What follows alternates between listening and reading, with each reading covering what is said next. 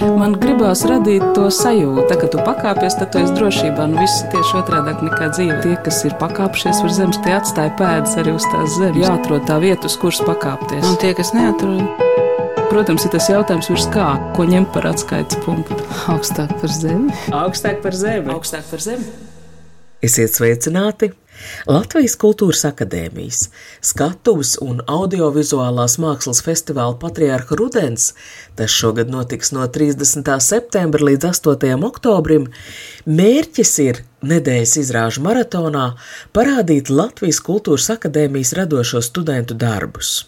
Gan laikmetīgās dejas choreogrāfu veikumu, gan kino studentu īsfilms, gan arī topošo aktieru, režisoru, dramaturgu veidotās teātris izrādes. Šogad festivāla vadmotīvs izvēlēts jaunu mākslinieku šaubas un apjukums. Vai jaunu cilvēku šaubas kaut kā īpaši atšķiras no māksliniekam neatņemamās, balansēšanas uz sevis apšaubīšanas un uzdrošināšanās asmens, kā jaunam māksliniekam sadzīvot ar vecmeistaru atstāto mantojumu? Mans vārds ir Anna Buševica, un šodienas rādījumā es vēlos iepazīstināt ar trīs jaunu teātra profesionāļu veikumu un arī dzīves izjūtu. Nesen jaunajā Rīgas teātrī pirmizrādi piedzīvoja pelēka vasara, saulaina ziema, un mani sarunbiedri raidījuma otrajā daļā būs izrādes veidotāji Gerts Lapoška un Matīs Sozols. Savukārt Latvijas Kultūras akadēmijas students, topošais režisors Ralfs Liepa festivālā Patriārha Rudens piedalās jau otro gadu. Ko tas dod dalību šai festivālā? Nu, principā jau to, ka mūs tomēr ierauga plašāka auditorija. Jo tos darbus, ko mēs uztaisām, sākotnēji jau redz tikai savējie. Tie ir akadēmijas iekšienes cilvēki un, un, un draugi, paziņas radi kādi varbūt pieaicināti cilvēki, bet šis eh, ļauj tādam plašākam profesionāļu lokam to ieraudzīt un arī skatītājiem no malas. Tiem, kas iet uz teātriem un tiem, kas būs eh, mūsu tie nākotnes skatītāji.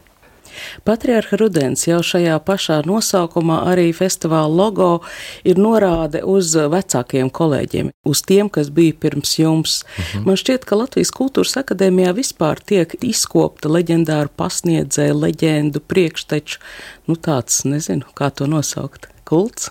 nu, jā, savā ziņā, bet uh, mēs to ar kursu biedriem bieži esam pārunājuši, ka mums ir tik vērtīgi, ka ar mums strādā Mārķa Imele, Aina Matīs, vēl virkni pasniedzēji, kas ir tomēr ar tādu pieredzi, no viņiem var paņemt tik daudz.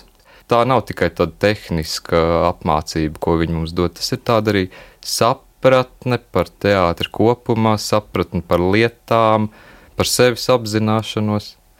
Bet kur tad jaunās paudzes manifests sagraut visu veco, sākt no balts lapas? Es domāju, ka mēs neejam to ceļu. Mēs kaut kā ļoti cilvēcīgi ejam tā kopsolī ar, ar iepriekš, kas ir pirms mums bijis, meklējot caur to kaut ko un skatoties to, kas tagad notiek. Un, protams, ir kaut kādas lietas, kas mums neapmierina un ka mēs skaidri apzināmies, ka mēs tā nevēlamies, bet jā, varbūt tāda liela skaidrība arī par to, kā vajag būt, mums varbūt pat vēl nav laikam.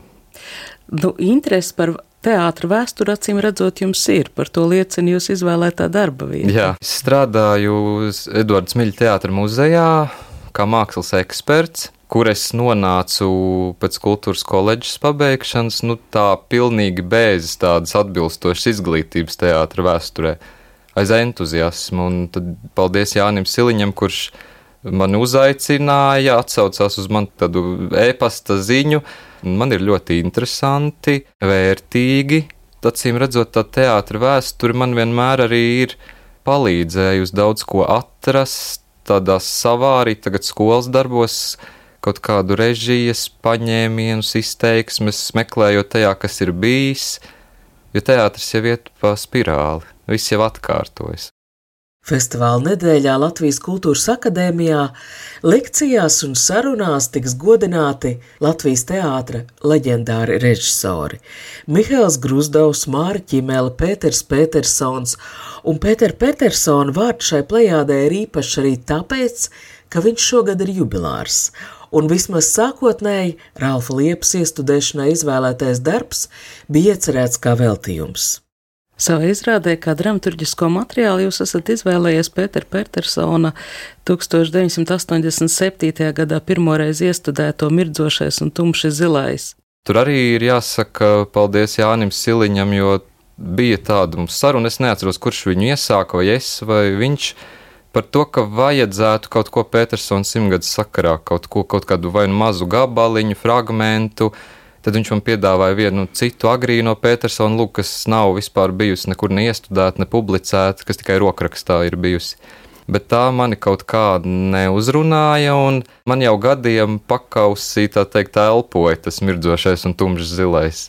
Jūs bijāt redzējis, varbūt, es nezinu, kādā ierakstā to iestudējumu? Nav viņam, diemžēl, ieraksta. Ir tikai tādi pusotru stundu garš mēģinājumu ieraksts. Tāds ļoti, pat varētu teikt, komisks, nu, ļoti interesants, ekspresīvs, kā jau Petersonam piestāv. Mums viņš muzejā arī ir, un es viņu biju redzējis, un tagad arī aktieri noskatījās viņu, kas pie manis spēlē. Un, Protams, ka mēs sapratām, ka to ceļu iet nevar. Tas ir novecojis un tas ir tam laikam un pilnīgi citādāk. Ziniet, lai eh, klausītāji saprastu, par ko mēs runājam, laikam jāizstāsta šī darba priekšvēsture.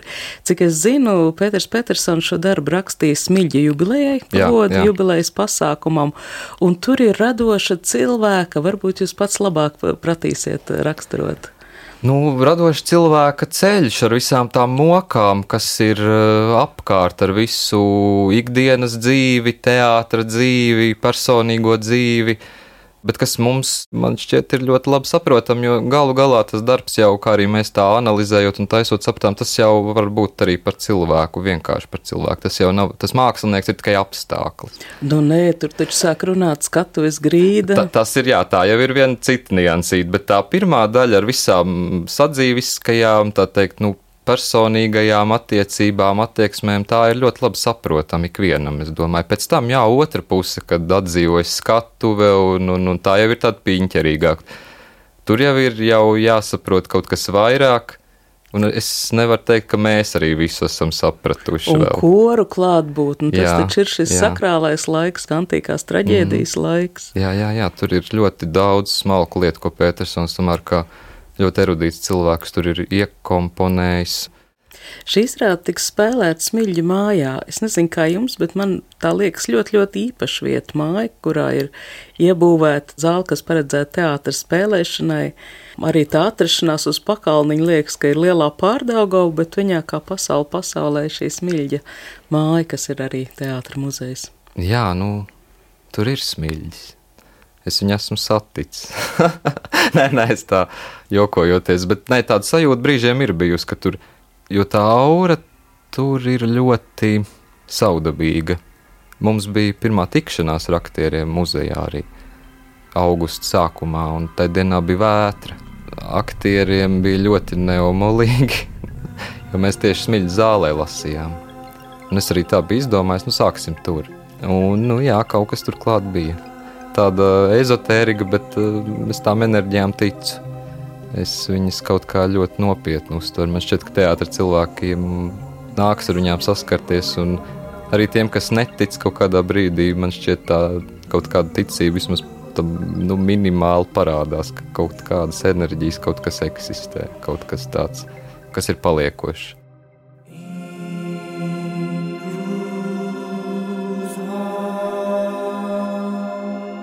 Pētera Petersona Luga mircošais un tumši zilais savu pirmo un līdz šim vienīgo iestudējumu piedzīvoja 1987. gadā Dailas teātrī ar Hariju Liepiņu galvenajā lomā.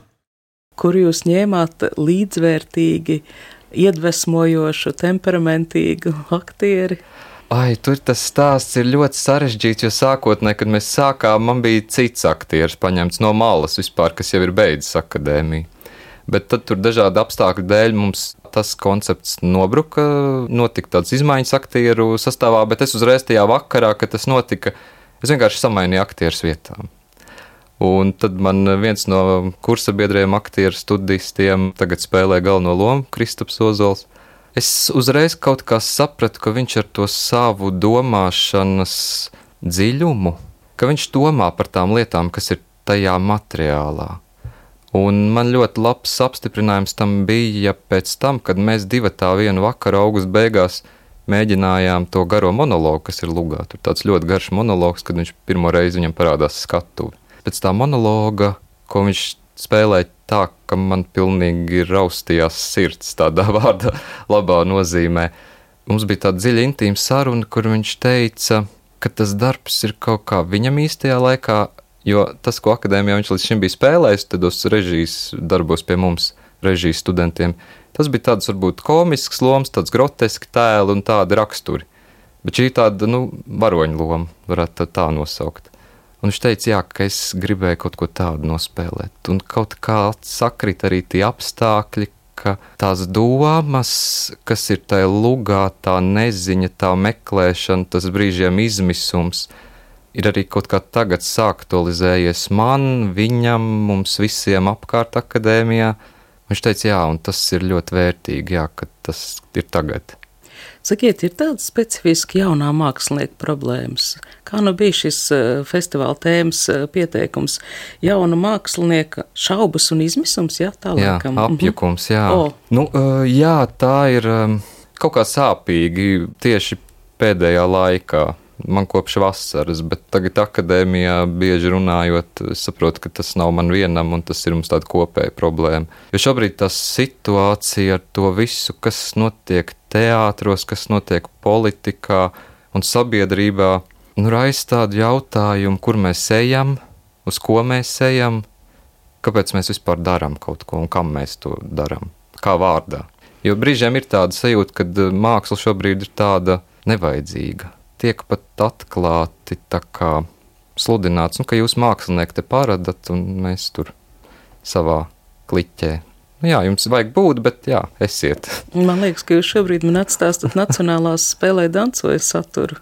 Nu, aptuveni jā, jo droši vien tā izrāda arī ļoti kaut kā man trāpīja. Es sēdēju nedaudz mēģinājumos Elmāram, un tad, kad es sēdēju, es pilnīgi tādu kā zibens strāvu dabūju cauri, jo tur pēkšņi iznāca ārā visas tās lietas, kas arī manī kaut kā pēdējā laikā bija sāktualizējušās. Un tad, kad es ieraudzīju to visu, man bija tāds, jā, tas ir kaut kā precīzi tagad. Es pieņemu, ka daļa no tiem jautājumiem, kam tas viss vajadzīgs, un tā jūs atbildējāt stājoties uh, kultūras akadēmijā. Droši vien, jā, jo nu, tas acīm redzot, nezinu no augšas vai no kurienes tas tāds ceļš ir uzlikts. Kāpēc tas tā ir, nevaru atbildēt. Tas mani ceļ, tas mani priecē, tas man liek justies labi. Jā, tas darbs. Tas, ko arī mirdzošajā tumši zilais pārstāv to pozīciju, tumši zilais koris, kurš saka, ej, strādā, dari, tas ir tavs vienīgais glābiņš. Izrāda mirdzošais un tumši zilais tiks spēlēt festivāla pirmajā dienā, 30. septembrī, Smilģa mājā, Teātra muzejā Pārdaugavā. Es jautāju Ralfam Liepam, vai viņam atliek laiks redzēt arī citu kolēģu veikumu, nu, piemēram, vai viņš ir redzējis jaunā Rīgas teātra aktiera Gerda Lapoškas debiju režijā, izrāda Pelēku vasara, saulaina ziema, Ar izrādes stāstu ir veidojis Gerts Lapoška kopā ar galvenās lomas iemiesotāju aktieri Matīs Ozolu. Par šo izrādi runājot, man galvenais, kas man tur uzrunāja, ir tas cilvēciskais siltums viņas. Pazīstot gārdu, es tur sajūtu arī to viņa būtību. Tas man arī bija galvenais, ka viņš tomēr runā no cilvēka pozīcijas uz cilvēku un nerunā par kaut kādām abstraktām idejām vai kaut kādām uh, nu, tādām lielām, negribu teikt lielām, bet eh, tādām aktuālām trendu tēmām, par kurām ļoti daudzi jau runā un, un, un nu, liekas, ka nu, tagad mums ir jāiet līdzi.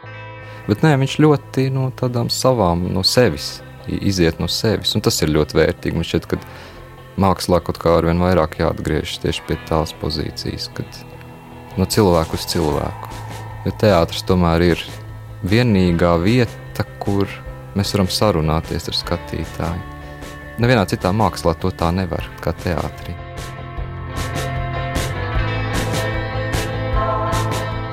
Savukārt Latvijas Kultūras Akadēmija nu jau pabeigušajiem Gardam Lapoškam, Matīsam Ozolam, es vaicāju, vai viņiem ir interese redzēt patreizējo studentu veikumu festivālā Patriarha Rudens. Vakar naktī uzrakstīja uh, teātris krustmeita un piedāvāja piedalīties kaut kādā lūgas lasījumā. Es vēl līdz galam neesmu sapratis, kas tas ir, bet uh, iespējams es arī piedalīšos vienā patriarcha rudens notikumā. Kas ir jūsu teātris krustmeita? Agate Bukša. Un kā tiek pie teātris krustmeitas? Ir tāds notikums, ka ir iesvētības, un tad katrs izvēlās vai izlauzē krustmeitu vai krustdēlu. Mums nesanāca iesvētības. Mums iesvētīja. Jā. Mēs nepaguvām iesvētīt pirmo kursu. Tur sanāca pa vidu Covid, bija vēl. Diplomu darbi mums pašiem. Bet es, es, es divus džekus pagūvu pievākt pats. Un es uh, satiku Agaču, un uh, mēs, es tā nolēmu, un es viņai pateicu, ka tā būs, un viņa piekrita. Man pienākumi ir aicināt viņu uz izrādēm, un iet uz viņas izrādēm, un uh, ieteikt literatūru. Viņi iesaka man literatūru, filmas, uz ko iet skatīties, lai attīstītos vairāk un vairāk. Interesanti, ka jums kino ir tik būtisks kā iedvesmas avots. Teātrī, nu, šeit esot uz vietas, var redzēt tās izrādes, kas ir tikai te Latvijā. Tad tu aizej mājās un atver datoru, un tad tu vari tikt līdz filmām, kuras tiek veidotas visā pasaulē, un saprast, par ko runā, runāja uz kinoteātrī, jo arī, protams, nav tikai tā, ka jāskatās filmas mājās, datorā. Es neesmu baigais kino entuziasts. Viņš izgāja cauri vēl vienam parkam, nonāca pie kafejnīcas, kurā pasūtīja svaigu spiestu apelsīnu sulu ar espreso, nesatraukdamies, ka ilgtermiņā tas var izraisīt kuņģa čūlu. Viņš apsēdās pie galda, vēroja apkārtni, un viņš ieraudzīja viņu. Izrāda palēk vasara, saulaina ziema, ir stāsts par Klementu, jaunu vīrieti, kurš raksta romānu, un viss, ko viņš pamana, ko sajūt, ko iedomājas, kļūst par daļu no viņa stāsta. Kino kā iedvesmas avots ir jūsu kopīgajā izrādē. Pelēkā vasara, saulaina ziema, teiksim, teātra programmiņā ir norādīts filmas, kādas, kas skatās katrs no izrādes personāžiem. Kaut kā uz to ir uzlicies pārāk liels uzsvars, jo, nu, runājot par izrādi un filmām un kino, tas nekādā ziņā nav pār franču jauno vilni. Tas New Waves ir viens no iedvesmas avotiem kaut kādai tai formai un skatījumam uz dzīvi un kaut kādai tai viegliprātībai. Tā izrādē no kino, tur Trifonga dārs, lugā ir tikai pāris citāti no kino, pāris dialogi citāti no maskulīna, feminīna, no trakā piero arī pārsteigumu. Tad izstāstiet saviem vārdiem, par ko ir izrāde. Izrāde ir par mīlestību, par jaunu mākslinieka esību pasaulē, starp cilvēkiem, draugiem, vecākiem, attiecībām. Kā ir būt jaunam cilvēkam tagad eh, vispār? Eh, man šodien no rīta bija angļu valodas nodarbība, un es tieši sūdzējos tā drusku tā kā terapeitiski izstāstīju ka man ir tāda sajūta, ka pieauguši cilvēki ir aizmirsuši, ka viņi ir bijuši jauni. Es ļoti, ļoti ceru, ka tad, kad es kļūšu par to pieaugušo, kurš ir aizmirsis, ka ir bijis jauns, ka es nepieļaušu tādas kļūdas, kādas pieļauj eh, Kuna Zariņas tēls izrādē, un iespējams, ka nepieļaušu tādas kļūdas arī kā pieļauj Klimenta tēls izrādē, kuru atveidoju es. Kādas kļūdas? Neuzmanību pret uh, saviem bērniem, saviem līdzpastāvošiem cilvēkiem, nepieņemšanu, neizpratni, kaut kādu nepietiekamu uzmanību, neveltīšanos. Nu, īpaši tas par kaut kādām tādām ciešām attiecībām, kur mēs runājam par romantiskām attiecībām, par kaut kādu tādu izrādē ir arī teksts.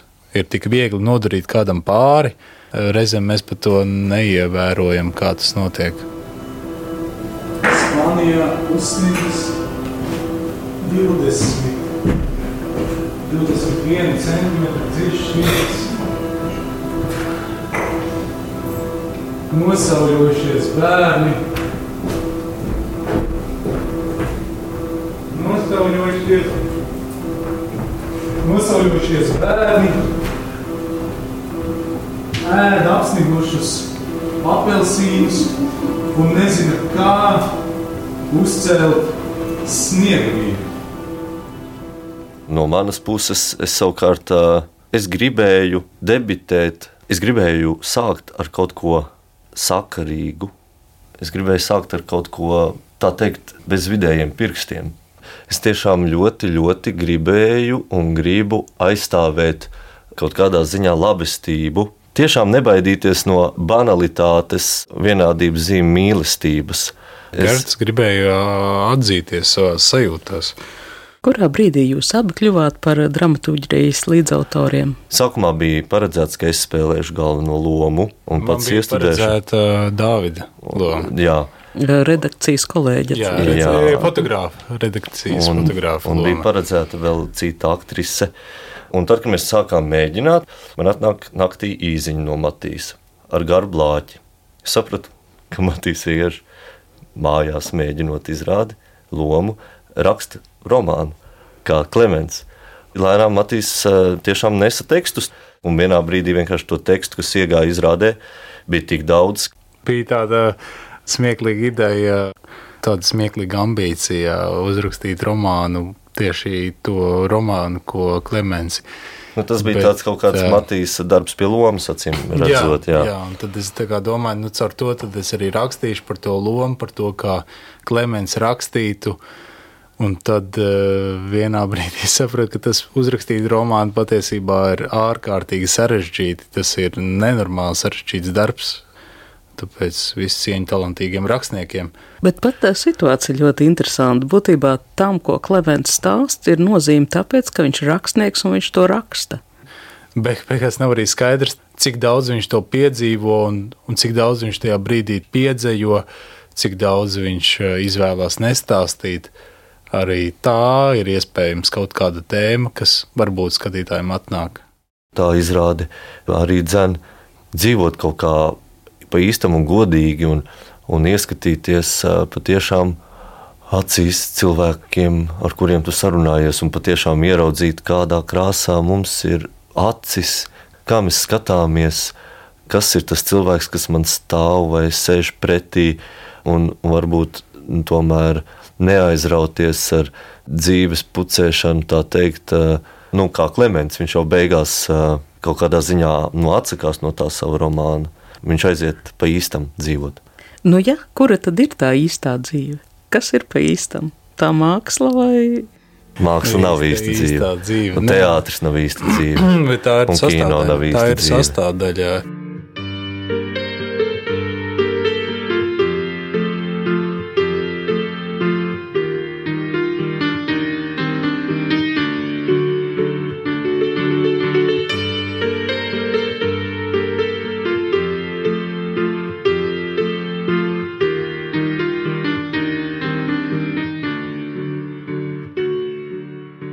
Vai no mākslas var arī izzināt nu, to, kas tev dzīvē gal galā sagaida?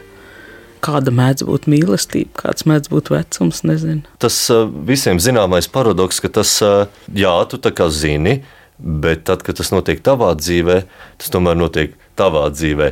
Es atkal domāju par to iespaidošanos. No, ja mēs zinām no psiholoģijas, ka cilvēks savā pirmajās romantiskajās attiecībās mēs kopējam vecāku attiecības, kā vecāki ir dzīvojuši. Mēs atdarinām, un ar to mēs noskaidrojam kaut kādas lietas, un mēs mācāmies. Un, un līdzīgi kā ar literatūru un patērēto kino un mākslu, ko mēs patērējam, mēs iespaidojamies no tā, un iespējams, ka mūsu kaut kādas gaidas, vēlmes, mēs sapņojam par to, ka mēs jutīsim tādu mīlestību kā filmās, kā, kā redzot, kā es gribētu just tādu mīlestību. Skatāmies un domājam, Dievs, kā viņš viņu mīl, vai kā viņi viņu mīl, un eh, kā es gribētu kaut ko tādu just, un kaut kādas tādas ilgas, skatoties eh, kino vai lasot literatūru.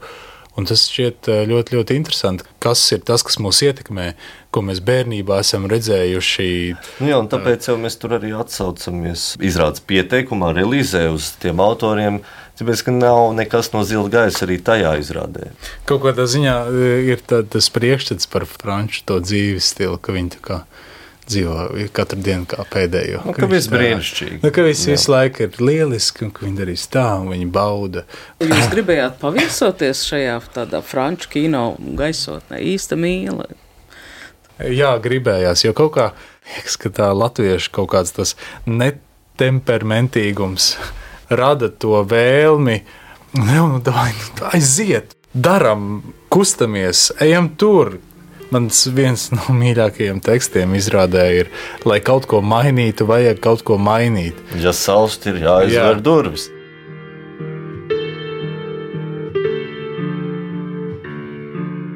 Katrai paudzei vajadzētu būt iespējai uzrakstīt savu manifestu. Interneta žurnāls Satori nu jau vairākus gadu desmitus provocē jaunos autors noformulēt paudzes dzīves izjūtu. 2009. gadā Satori publicēts Nogurušās paudzes manifests, Henriks Elijas Zēgners 2016. gadā turpat publicēja spožu poēmu ar nosaukumu Mēs esam izlepusi paudze. Izrādes pelēka vasara, saulaina ziema, kritikas šķēpi bija vērsti arī pret izrādes vēstījumu. Kā? Tik vien?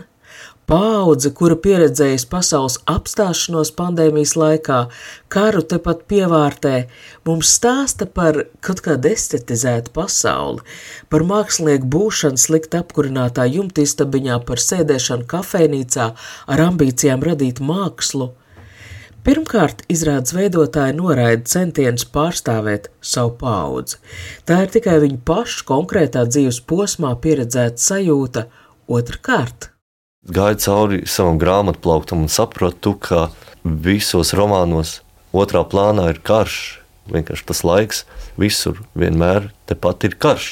Visu laiku mums ir eh, jāpiedzīvo šausmas aiz muguras, un laikam eh, teātris ir kaut kādā ziņā glābiņš uz trim stundām. Es atceros, tad, kad tikko iznāca desmit iemeslu apciemot kauci, tas bija nedēļa pēc uh, Krievijas iebrukuma Ukrajinā. Un es domāju, kā lai šo spēlē tagad, nu, kā vispār iet uz skatuves, kādā sakarā vispār. Un pirmie skatītāji teica, ak, Dievs, paldies! Mēs vismaz uz trim stundām aizmirsām par šausmām. Trīs stundas neskatījāmies telefonā, nelasījām ziņas. Tas bija viens no mazajiem brīžiem, kad es sapratu, ka jā, nu, tā jēga veidojas, te tas viss top. Izrādē paralēli Klimenta romāna tapšanai, viņa un Bēlas mīlas stāstam, ir vēl kāda sižeta līnija. Romāna autora attiecības ar māti, izbijušu baletdejotāju Matildi, kuru ar burvīgu pašironiju nospēlē Guna Zariņa. Kāpēc jums bija vajadzīgs Matildas tēls? Matilde kaut kādā ziņā ir tāds poētikas simbols, tāds aizejošās pasaules uh, simbols. Būsim godīgi, arī tas franču kino jau sen ir.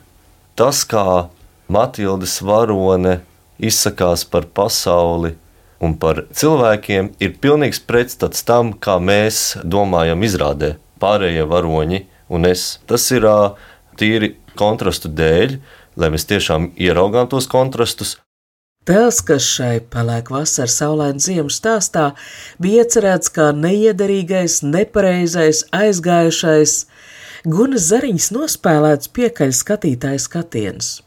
Un tas šķiet tik netaisni, te ir kaut kas no Džulijas Lamberta skaitinoša sarkanā lakatiņa. Ir patiesība, ko panes papīrs, ir patiesība, ko nospēlēt var teātrī, un noteikti vēl ir kaut kas pa vidu.